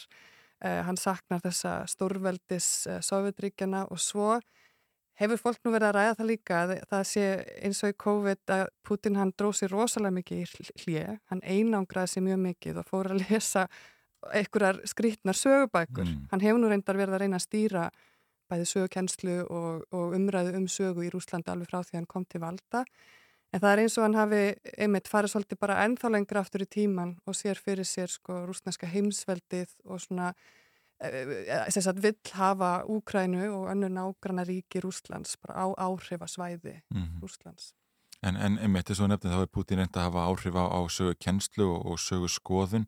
Eh, hvernig er þá viðhorf rússa til þessara eh, já, raka hans um, um, eh, innlimun austur hér hana? Já, sko eitt er þetta hvað hann hefur haft áhrif á, á sögu kennslu. Það er alveg sko áratuga gamalt að hann fór að halda því fram að hérna að einmitt að Raunsofutríkjana hefði verið hörmuleg mistök að Stalin hefði verið farsalasti leiðtói Sovjetríkjana á þessu langa tímabili og, og svo núna sagt, viðhorf rúsa til um, það sem er að gerast í, í Úkræn og, og Donbass og ég gerði það nú bara áðan í kvikti á hérna rúsneska sjónvarpinu og þá sér maður bara með einn augum hvernig þessi umræð er að byrtast rúsum í dag og hún byggir eins og ég segi á mjög lengu áróðurs og upplýsingastriði sem að ferir með alveg inn í sögukenslu, inn í alla fjölmiðla og inn í alla umræður Úslandi.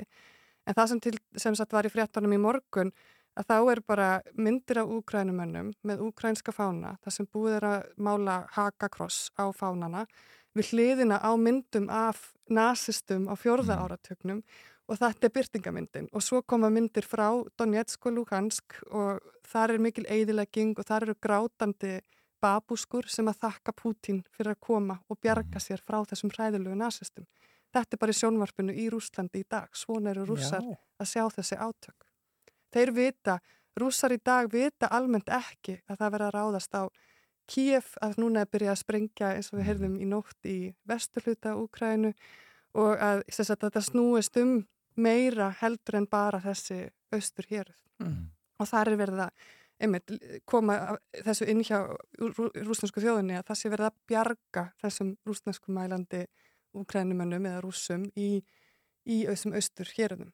Já, og hefur fólk í Rúslandi enga leið til þess að, að, að fá þær fréttir af því sem raunverulega er að gerast? Er bara búið að ná alveg utanum þessa umfjöldun? Já, sko það, það eru alltaf einhverjir sem að leita sér upplýsinga annar staðar frá og hafa gert allan tíman og þá er það bara kannski eins og við myndum alveg þekka líka hér að það er oft mentafólk, það er oft fólk sem hefur verið í háskólum Erlendis, það er fólk sem talar Erlend tungumál og hefur auðveldlega geta farið inn á miðla auðvitað, interneti hefur verið opið og ekkert mál að fara og lesa þýsk eða bandarísk, bresk, spænsk dagblöð En það er bara ekki hinn almenni rúsi. Að hinn almenni rúsi leita mest í ríkisfjölmila eða bara sjónvarp sérstaklega ákveðin kynnslóð mm -hmm. og, og hef, þannig hefur það verið lengi. Sko, erum, sko, Putin er búin að taka mjög mikið frá rúsnesku þjóðinni núna á síðustu teimu mhm. vikum, ég meina all efnisleika æði og svo framvegis, en hann er löngu búin að taka þetta upplýsingafrelsi frá stærstum hluta rúsnesku þjóðarinnar sem að hefur bæði í skólum og einmitt í bara nánast öllum fjölmilum fengið svona mjög skakka mynda því sem er að gerast sko bæði út í heimi en sérstaklega sagt, varðandi stöður Úslands og, og einmitt þessi svona þetta heilaga hlutverk Úslands eins og Putin sér það, ekki gagvart sérstaklega nákvæmna ríkunum en út um allan heim. Mm. Og núna vorum við að fylgjast með því um til vikunni þegar það var verið að loka fyrir samfélagsmiðla og, og verið að reyna að stöðva allar þessar upplýsingaveitur og auðvitað hefur það áhrif en, en sko ég sá eitthvað tölur um að kannski 7% rúsa hefur verið á Facebook og þeir rúsar sem að ég þekki á Facebook eru ennþá á Facebook af því að það er fólk sem að kann að nota VPN og fer fram hjá uh mhm. -huh. þessum rúsnesku hérna, hindrunum en það er bara því miður alls ekki allir sem að, sem að geta nýtt sér það og mjög margir eru, eru satt, að fá bara þessar upplýsingar uh mhm. -huh.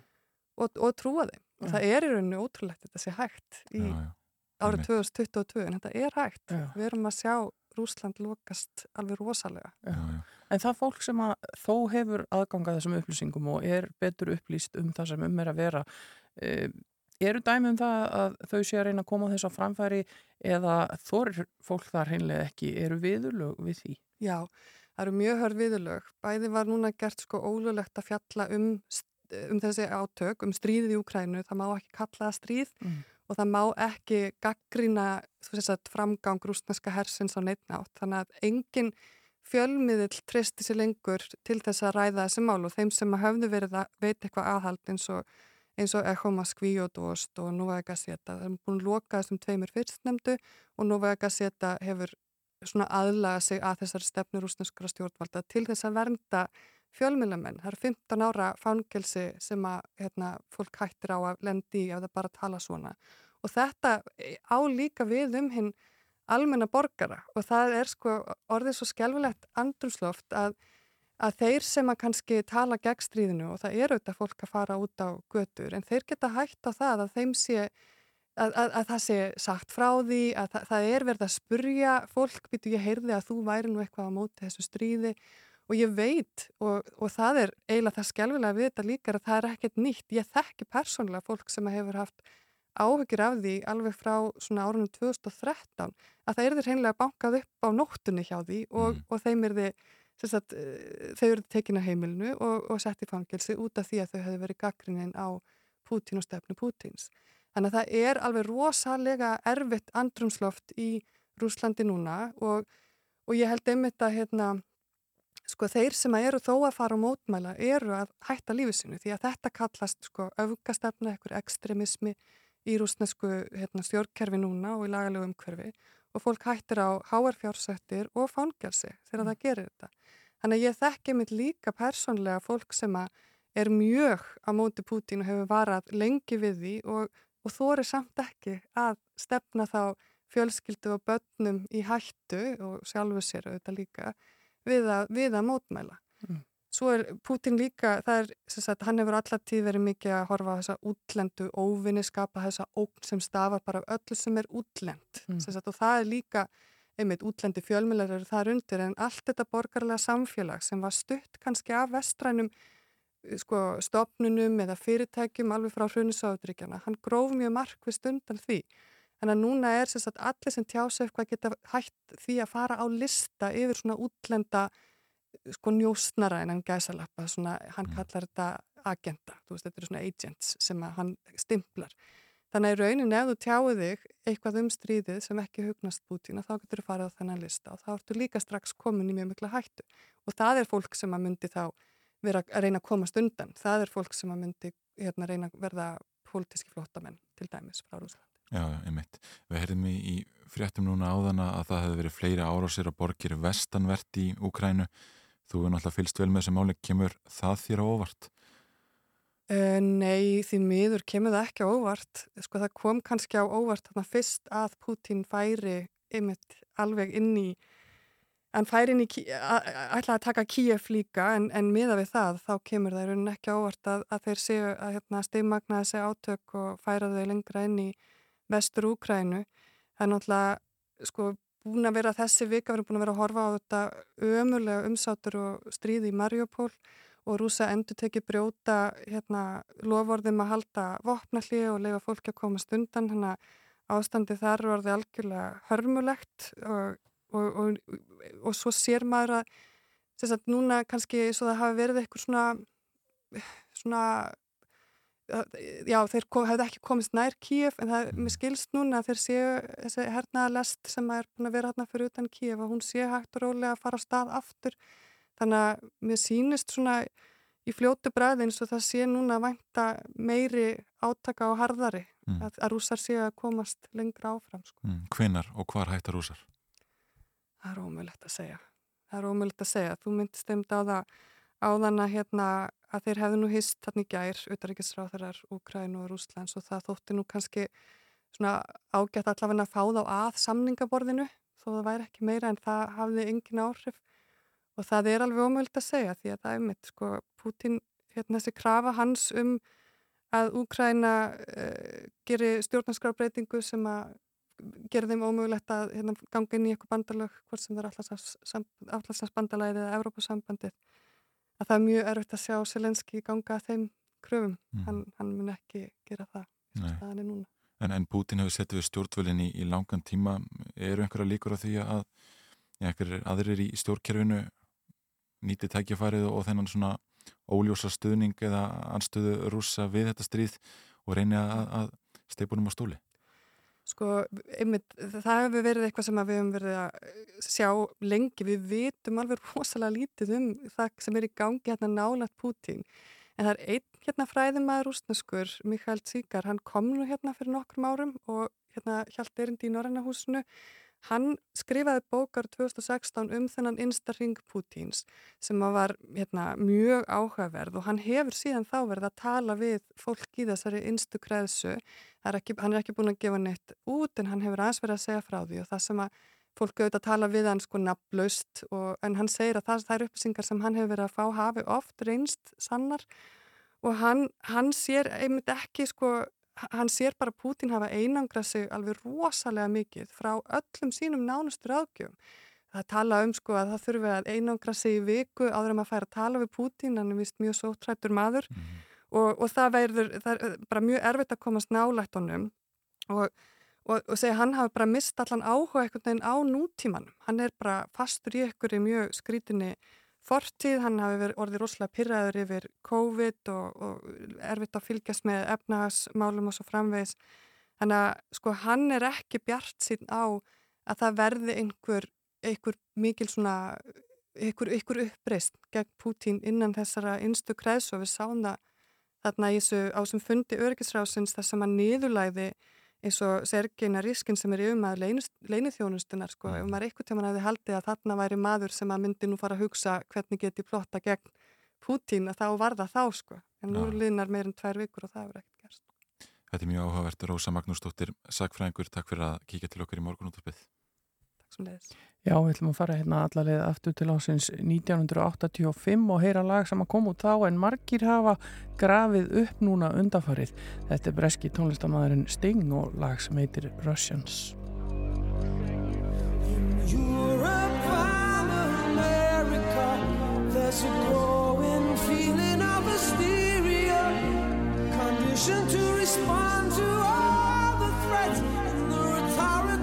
speeches of the Soviets. Mr. Khrushchev said we will bury you. I don't subscribe to this point of view. It would be such an ignorant thing to do If the Russians love their children too. How can I save my little boy From Oppenheimer's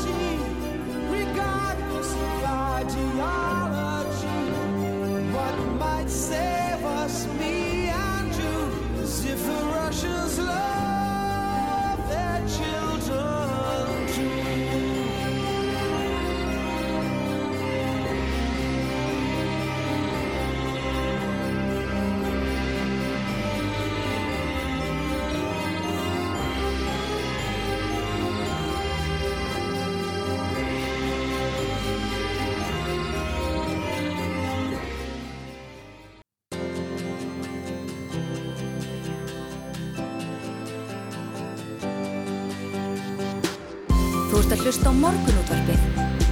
Á Rástvö. Áframhaldum við hér í morgun útarpunu við eigum svo litinn tíma eftir enn. Ætlum að vera hérna til klukkan nýju Huldageistóttir og Yngvar Þór Björnsson með ykkur í dag. Svo er þetta okkar maður Þórður Helgi sem tekur við klukkan uh, já, 9.03 eða 05 eða Já, ég man ekki hvað fyrir þetta tímin er langur andan klukkan 9 Akkurat, nokkra mínútur yfir nýja allavega. Já, og ef ég þekki Dotta minn rétt þá verður eitthvað uh, stuð hjá honum á fyrstegi því að hann er vannur að vera þá með alls konar uh, gleði og hitta fólku fyrir helgina.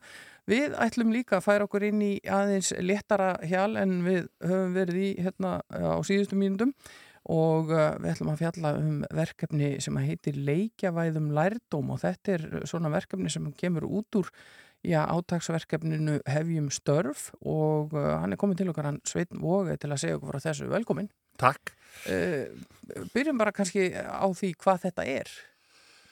Já, og kannski bara fyrst líka, það er nú alltaf gaman hjá ykkur á já. Ég hef ekki að upplifa það, sko, þannig hérna... veist, Það er gott að heyra. Já, já, dásanlegt að fá að vera með ykkur.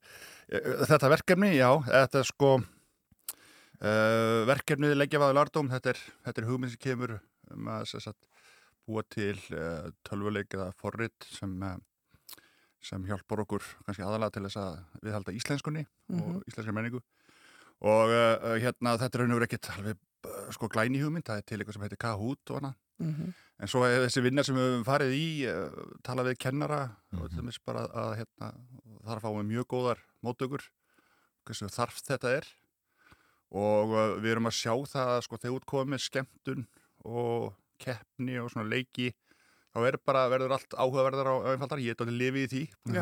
Predika það í, í HR og viðar og hérna, sá sem ég veit ekki hver, hver var upphafsmanneskjan af, af, af skólarheisti en, en þar var tekið raun og veru bara það var, var gre- grettistakið því að gera það skemmtilegt. Já, já. bæði skemmtun og, og keppni.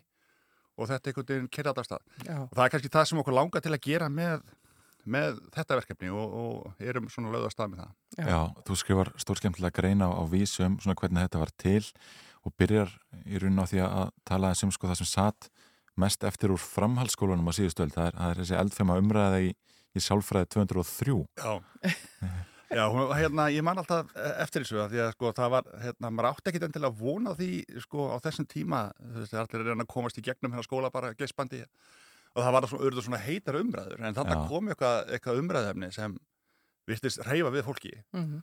og þarna kemur bara eitthvað listi um þetta sem hefur áhrif á okkur til langframa hérna, þessi andli áhrif og efst á listanum var einmitt að, að missa elskandi maka og maður gæti alveg skilið það að það var erfitt og númer tvö langvarandi atvinnuleysi Mm. og það var að það fóru bara margir í bakla sko. Já, já. tengdu bara ekkit, ekkit við það sko. að það hliti að vera erfiðar að lenda í erfiðu veikindum og, og örum hörmungum og svona dóttari og, hérna, og fyrir mig allavega það þannig sem ég kem að þá fannst mér þetta pínuðu skritið og svo er þetta komað í ljós núna að bara hérna, því sem er hérna, sem ári líða að heiminu stækkar. Hversu, hversu raun að veru satt og, og, og hérna, stert þetta er að, að þegar fólk er án atvinnu lengi. Og maður upplifið það sko hérna sagt, eh, eins og þetta verkefni okkar leggja með lært og mér áhugavert og skemmtilegt og við erum að fá fínar móttökur frá, frá kennurum að þá er sko hvernig það verður til verður eiginlega starri saga sko fyr, fyrir mig Já. Og það er svolítið það sem þú ert að, að, að svona ávarpa í þessari grein. Þú, þú, þú ert að þakka vinnumálastofnun.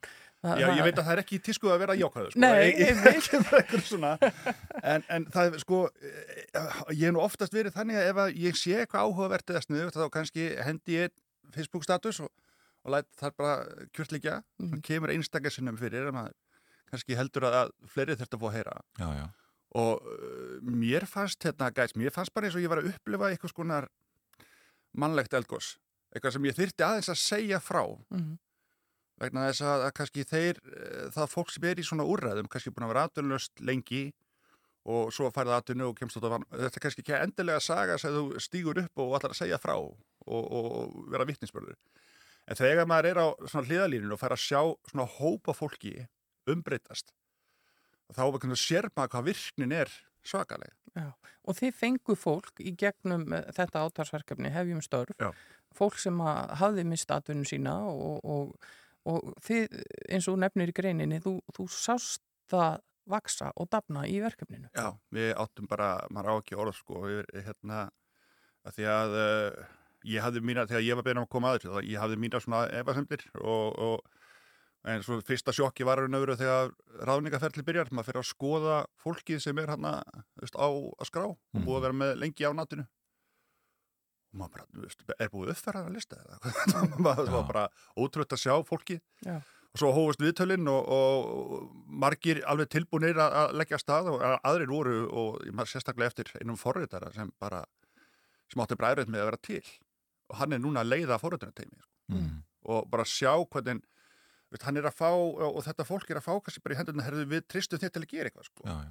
og þannig að sér maður hvað, hvað þetta ský verður og rosalega þútt að, að, hérna, að þegar búið að lifta því að, að færa það tímabundi til, eða hvernig sem verður til hlýðar að sjá hvernig fólk blómstrar Mhm. og það er einhvern veginn vittispurður sem ég fannst ég þurfa að setja niður á blað fyrir þessa grein Mhm. að því að sko þú veist, og maður hefur fengið þakkir og aðtegli og frá þingmunum með annars og að því að sko við tölum um velferðarkerfið okkar stundum eins og eins og kerfi sko. Og það er meira en kerfi sko. Þetta, þetta eru manneskjur sko, það eru manneskjur sem eru í þessu kerfi. Mhm. og, og velferðarkerfi á að halda utan um fólk. Og þarna sér maður það sem við verðum að gera eitthvað ákveðið, það er ákveðið átaki í gangi og það bara virkar, svona Já. heldur betur. Já, einmitt. Þannig að þú ert ánaður með þetta verkefni eh, hefjum störf og telur að þetta hafi skipt miklu máli í þeirri, já, þeirri stöðu sem upp var komin á atvinnumarkaðinum í, í faraldrinum. Ég held líka að við ættum að, að halda því áfram að því að það var, hún var hérna uh, stýra vinnumálastofnunar Sonja Manni, hvað hún heitir akkurat núna hún var í viðtali á, á heldi á um, uh, speklinum Mhm. Já, já. Unnur Sværistóttir. já, já, já. og hún hérna, það er farið við hvað þetta gekk mun betur heldur við þorða vona 80% sem fóru í gegnum þennan, þennan þetta áttak fóru á vinnumarkað og uh, blaðamæri spyr hennar augljósu spurningar, betur okkur er allir þá ekki að halda áfram með þetta af því að þau eru búin að leggja þetta til hliðar Já. og það er kannski vegna þess að atvinnuhorfur eru aðeins skára á markaði Mhm. en ég hef mikla ráðugjör af því að þetta fólk sem, eh, sko, sem ég er að sjá og upplifa þarna að það sé ekki endilega að, að fá þessi störf sem eru núna losna eins og kannski í ferðarþjónustofan og afleitt störf þannig að og með við það sem svona átak gerir held ég bara fyrir samfélagið og alla Mhm. koma fólkin á stað og þá held ég að þetta verði alltaf í heldina í pluss og sjá til þess fólk sem hefur komið verið hjá okkur einhver tíma og, bara, og krafturinn hefur lifti áfram í önnur störf bara fengið það annað láttífa starf bara, þú veist, þú veist, kannski eitt af bestu manneskjum, bara ok en veist, samt svo gott að sjá það, það, það gera sko, Já. það hefði líklega kannski ekki gerst nema það hefði farið í gegnum þennan, þetta ferli sko. Já. Þannig að þú vilt sjá þetta halda áfram og, og, og telur til náttúrulega alla þessa jákvæðu þætti sem þú er bara búin að upplifa einn skinni með því að taka þátt í þessu. Já. Uh, svona rétt í lokin, eh, leikjavæðum lærdóm, eh, heldur það áfram? Hvernig, hvernig eh, sérðu það fyrir þeir í framtíðina í því verkefni? Já, þessi hópur sem er að vinna að því er að gera frábærstarf en, hérna, og meðal hans erum við með fólk sem er að, er að sækja sagt, styrki og, og samstagsæðila til að geta haldið þessu áfram Mm -hmm. uh, forröndin er langt komin en, en þetta er tölvöld ferli og eitt af því sem getur hjálpað okkur væri að halda þessu átaki áfram en við viljum náttúrulega hafa þessu flesta áfram í vinnu og það er aðeins að því hvernig, hvernig okkur tekst áfram með, með verkefnið. Það er að fá frábæran hljómgrunn en þetta tekur, þetta tekur tíma þetta er, þetta, en, en eins og segja, sjá þennan þannig að hópa fólki sem var ekki að gera neitt kannski í meinan ár afkasta sem þó er komið það er bara alveg dásamlega Það er góð loka orð og gaman að fá svona jákvætt peppin í helgina. Er það ekki? Alltaf. Það er bara nöðsilegt á þessum tímum. Já, algjörlega. Og gaman að fá þið til okkar Sveit Mói og, og gangi ykkur vel með þetta áfram. Já, takk, takk. Don't tell the gods I left a mess. I can't undo what has been done. Let's run for cover. What if I'm the only hero left? You better fire off your gun once and forever. He said, Go dry your eyes and live your life like there is no tomorrow's sun. And tell the others to go singing like a hummingbird, the greatest anthem ever heard. We are the heroes of our time. But we're dancing with the demons in our minds.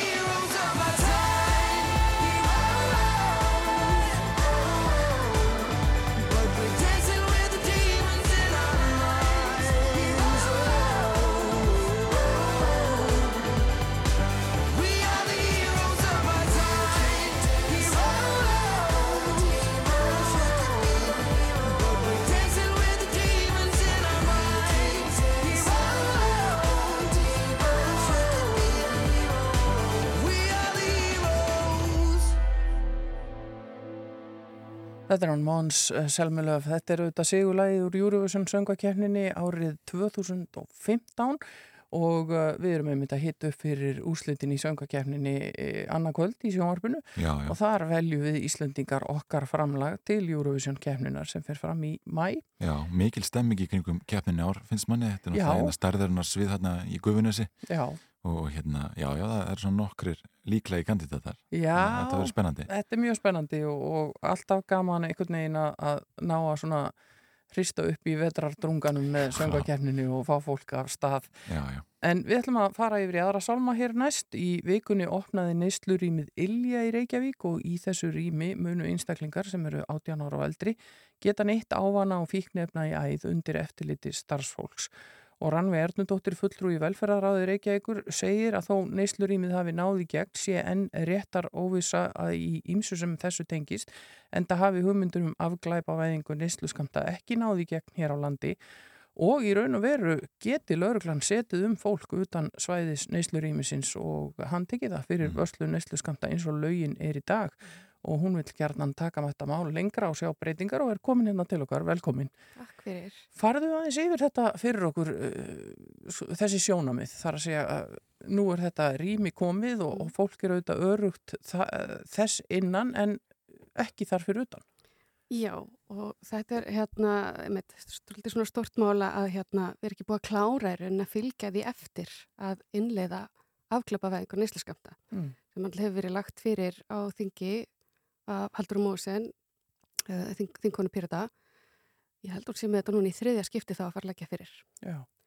Og það Eh, hefur e- ekki náðu í gegn fram að þessu. Nei, og það er, er hérna, bara svona flækjusteg sem að hérna, verður að leysa að því að fyrir framgang skadaminkunar þá er þetta bara líki ladri Mm. skiptir miklu máli því þetta skapar einmitt eins og ég sagði bara réttar óvissu gagvart e, fólki með fíkniröskun e, gagvart þá líka lauruglunni og gagvart starfsfólki. Mm. að því að við erum með sko e, þú veist það þarf að vera gott samband og samstarf millir lauruglu og starfsfólks og það er reyndar raun alveg, alveg merkilega gott miða við stöðuna. Já. en það er samt óvist við erum í raunin að byggja lauruglan til dæmis um að velja og hafna hvaða lögum hún framfylgir þá utan rýmisins Við heyrum það með af lauruglumönnum að, að það sé afskaplega lítið og, og jafnvel ekkert um það að það sé verið að handtaka fólk sem með einhverja neyslu skamta e, er ekki afskaplega litla líkur á því að lauruglan sitjum fólk utan neyslu rýmisins og, og handtaki það. Jú, jú, það er það sko en við verðum satt alltaf að tryggja það að það sé til staðar þess að búa ekki til þessa flækju Mm. að þetta varðar líka það bara hvernig þetta skila sér út í samfélagið, hvernig þetta skila sér inn á aðra stofnanir, hvernig er þá samskiptin milli til dæmis uh, spítalana og svo velferðarsviðs. Mhm. að það sem við gerum í dag er að ef að við erum ekki með uh, þessar í rauninni reglu, regluvæðingu og afglöpavæðingu að þá, veist, þá eru ennþá til staðar bara gloppur í kerfunum sem við viljum losna við, bara til þess að tryggja þetta. Já. Uh, Það tók sinn tíma að koma neysluríminu á og í nótkunn og, og uh, var kannski heldur ekki alveg einföld umræða á sínum tíma en, en náðist. Um, er hægt að gera sér ykkur væntingar um það að þetta sé bara eitthvað sem þurfi líka að taka á hverjum tíma þetta næsta skref? Já, já, og ég held að við séum bara komin hans í að það er þannig að þetta, þetta sem við, sko, staðar sem erum komin í dag, þetta er ekki eitthvað sem gerist bara í tómarúmi. Þetta gerist vegna þess að við erum með uh, fagfólk og félagsamtök, við erum með ofsalega gott starfsfólk sem hefur bara tekið þessa hugmyndafræði um skadamíkun, bara beint í fangið og unnið að henni. Mm. Og svo erum við með stjórnmálinn sem hafa tekið þetta líka bara á opnum örmum og eins og bara í þessu meirulita sem við pýritar erum í að þar hefur bara verið mjög gott samstarf um að vinna alveg sko í einlægni mm -hmm. að ég að innlega þetta og innleggingin er klárið 2021 mm -hmm.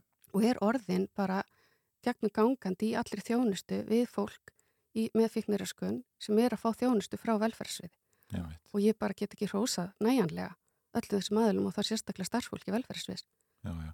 En, en við höfum alltaf heyrt fréttir af, af uh, frú Ragnæði sem Mhm. er svona skaðminkunar verkefni uh, að hvaða le hvaða leiti er, er það öðruvísi en þetta neyslurími Þa, það er fólk fyrst og fremst að fá uh, nálar og annað slikt en, en í neyslurími þá átt að geta uh, já, bara neitt ávanna og fíknefna í örugu umhverfi Já, og þá getur þau komið þessast í þennan bíl og með það neysluskamti sem þau náttúrulega gátt ekki komið með það með sér í frú Ragnæði. Þannig að núna fá þau að koma með, með og fá í rauninni aðstöðu til þess að þá í rauninni neyta vímöfnisins Mm. undir handlislít, undir, undir sko þjónustu faglags fólks, helbriðstarfsfólks Mm. sem að breytir miklu þetta bara, og þetta er bara þekkt og vitað að þetta dregur úr bara alls konar sjúkdómum og, og bara öðrum skada sem við viljum einmitt halda áfram að unna með. En hvernig er þetta í öðrum löndum? Uh, þar að segja að neyslurýmin eru auðvitað þekkt en, en hvernig er þetta til dæmis bara í nágranna löndunum ef, ef að þú horfir á þessi eh, önnur skref sem þú myndi vilja sjá? Veistu það? Uh, sko, ég verði þetta að viðkjöna, ég er ekki búin að setja mér neitt rosalega vel inn í það þar, ekki Mhm. hérna í nágrannlöndunum, en ég veit að það er samt unnið eins og í Danmörku sérstaklega er unnið mjög mikið eftir skadamingandi nálgun Mhm. og ég sá næði með þarna frétt nýverðið um sko rauðabílin í Danmörku sem að þá þjónust að sérstaklega konur. Og, og bara, einmitt, það er bara ánægild að fylgjast með sko hvað er verið að gera annar staðar. En ég veit þess að til dæmis að hérna ég rakst nú á að heyrða af uh, það var læknir í Liverpool sem fekk að setja upp í rauninni bara eins og helsugjastlustöð eitthvað svolítið fyrir fólk. Og, og það er líka með annarskar sem ég myndi vilja sjá okkur fara út í helsugjastlustöð fyrir þá fólk með uh, fíknaröskun og þar fekk sérst fólk að koma til að fá heroinskamta og í byrjun þá fáði bara svolítið stóra skamta svo eftir þessum tímanu líður þá minga skamtarnir Mm. og við förum að, að fara að fara að sjást sko breyting á fólki þar sem að það fyrir að fara aftur til vinnu það fyrir að tengjast eftir samfélaginu og það fyrir að tengjast ástinu sínum og innan þryggja ára er fólk hægt að koma, það er hægt í neyslunni Mm. og það er nefnilega með þetta sem þetta snýst og þetta er þessi skadamingun snýst um Mm. og snýst um að skapa aftur tengsl af því það er þannig að fólk sem að er í sko skadleiri neyslu er fólk sem að hefur mist einhver tengsl, það er orðið fyrir áföllum og það, við vil- hljótum að vilja öll stuðla aftur að tengslunum. Já. Í Ilju neyslurýminu fer þar fram, eh, er þetta engöngu þjónusta á meðan á, á þessari neyslu stendur eða er einhvers konar forvarnar vinna í gangi þar líka eða fræðslustarf eða eh, auðvitað hlýtur það alltaf að vera markmiðið að hjálpa fólki að komast út úr þessu? Já, sko, það er náttúrulega bara allstæðir í gegnum frú Ragnæði og Rauðakrossin í þessu, þessari sko skadamikun að því að við tökum eins og þetta að sko, frá því að pírataklega komið meirulutan þá fyrst fyrir að sjá þetta hugtak skadamikun í skjölun borgarinnar sem er bara svona mikið verkfæri til þess að vinna með áfram Mm -hmm. og skap, skapar það bara við erum setjum á húsnæði fyrst og svo setna fimmföldu við það en sko skadaminkunar hugtaki kemur fyrst með frú Ragnæði 2009 þannig að þau eru búin að vinna lengi bara með þetta sem það forvarnastarf og fræðslu og svo framvegir sko. Mm. þannig að þetta er það er bara orðið svolítið svona í blóðinu hjá þeim Já. að vera með þetta Þetta er bara viðbót við það góða starf uh, bætist við það. Akkur, þetta, er, þetta er svona nýtt skref, Mm. annað skref og svo þurfum við að halda áfram Já, en þarna, þetta rými er auðvitað í- í Reykjavík Já. og uh, þar er það borgin sem að stýri málum. Mm. En til þess að þessa breytingar sem þú vilt sjá verði þá þarf auðvitað að fara inn á alþingi. Já, og alla leið þær í gegn. Já, og það er bara komin tími til þess að Ríkistjórn Íslands samþykja afglöpavæðingu. Það er búið að leggja fyrir frumvarp. Það verðist ekki vera stöðningur við það. Ekki næjanlegur, en það er verið að nota alls konar svona fyrirslátt, eins og til dæmis þegar það var að nota þessi fyrirsláttur að það þýrt að skilgreina neysluskamta og en nú erum við búin að opna neyslur í með það sem að má vera með neysluskamta þannig að það hlýtur að segja okkur að mm. það er alveg hægt að gera þetta. Já. En hvernig heldur að við þurfa almenning sé, sé til þessara breytinga? Sko, viðhórsbreytingin í samfélaginu hefur til að verið bara stórkostleg og það hefur glatt mér svo mikið því að ef ég bara segja alveg svo er að 2015 þegar það er lögð fyrir í unni sko, svona könnun meðal bara almennings þá voru ekki nema ekkur 25% sem voru hlind þessari vegferð. Mm. Uh, 2021 eru konum bí 60% og þetta er aftur eitthvað sem gerist vegna þess að við erum með algjör stórstjörnur bara hreinlega í því að fræða okkur öll mm. og benda okkur á hver er árangurinn á því að fara þessa leið. Því við hljótum að spyrja okkur ef að þetta virkar ekki núna það sem við erum að gera, þessi refsistefna, ef hún virkar ekki, við sjáum það, er bara neysla, það er markaður. Þá, þá er komið tími til að gera eitthvað annað, er það ekki? Miðan við þessa breytingar, uh, þessa þróun svona í, í áliti almennings, ertu bjart sín á að já, álit þingmanna sé að breytast í takt við það og, og þetta muni ná í gegn? Já, ég held að, ég, ég ætla nú bara að gerast svo frá okkur segja, ég held að nú að langt flesti þingmenn séu bara á þessu að gera þetta. Þetta er bara einhver pólitík að flækjast fyrir fólki, sko. Hver má eiga þetta? Já, einmitt. Rannveig Ernudóttir fulltrú í velfæraráði Reykjavíkuborgar, þakka fyrir að kominga til okkar í morgunútarspið og ræða já, neyslu, rýmin og afglæpa væðingu fíknefna. Takk fyrir mig. Já, mjög áhugavert mál og, og uh, verður fróðilegt að fylgjast með framvindu þar en yngvar það er uh, komið að lokum hjá okkur í dag. Já, þessu fína förstu degi. Já. Við erum búin að fara nokkuð viða í, í þættunum í dag, vorum að ræða við Svein Voga um, um leikjavæðing lærdóms uh -huh. Uh, en fórum yfir stöðuna í Úkrænu með Rósu Magnúsdóttur Sakfrængi.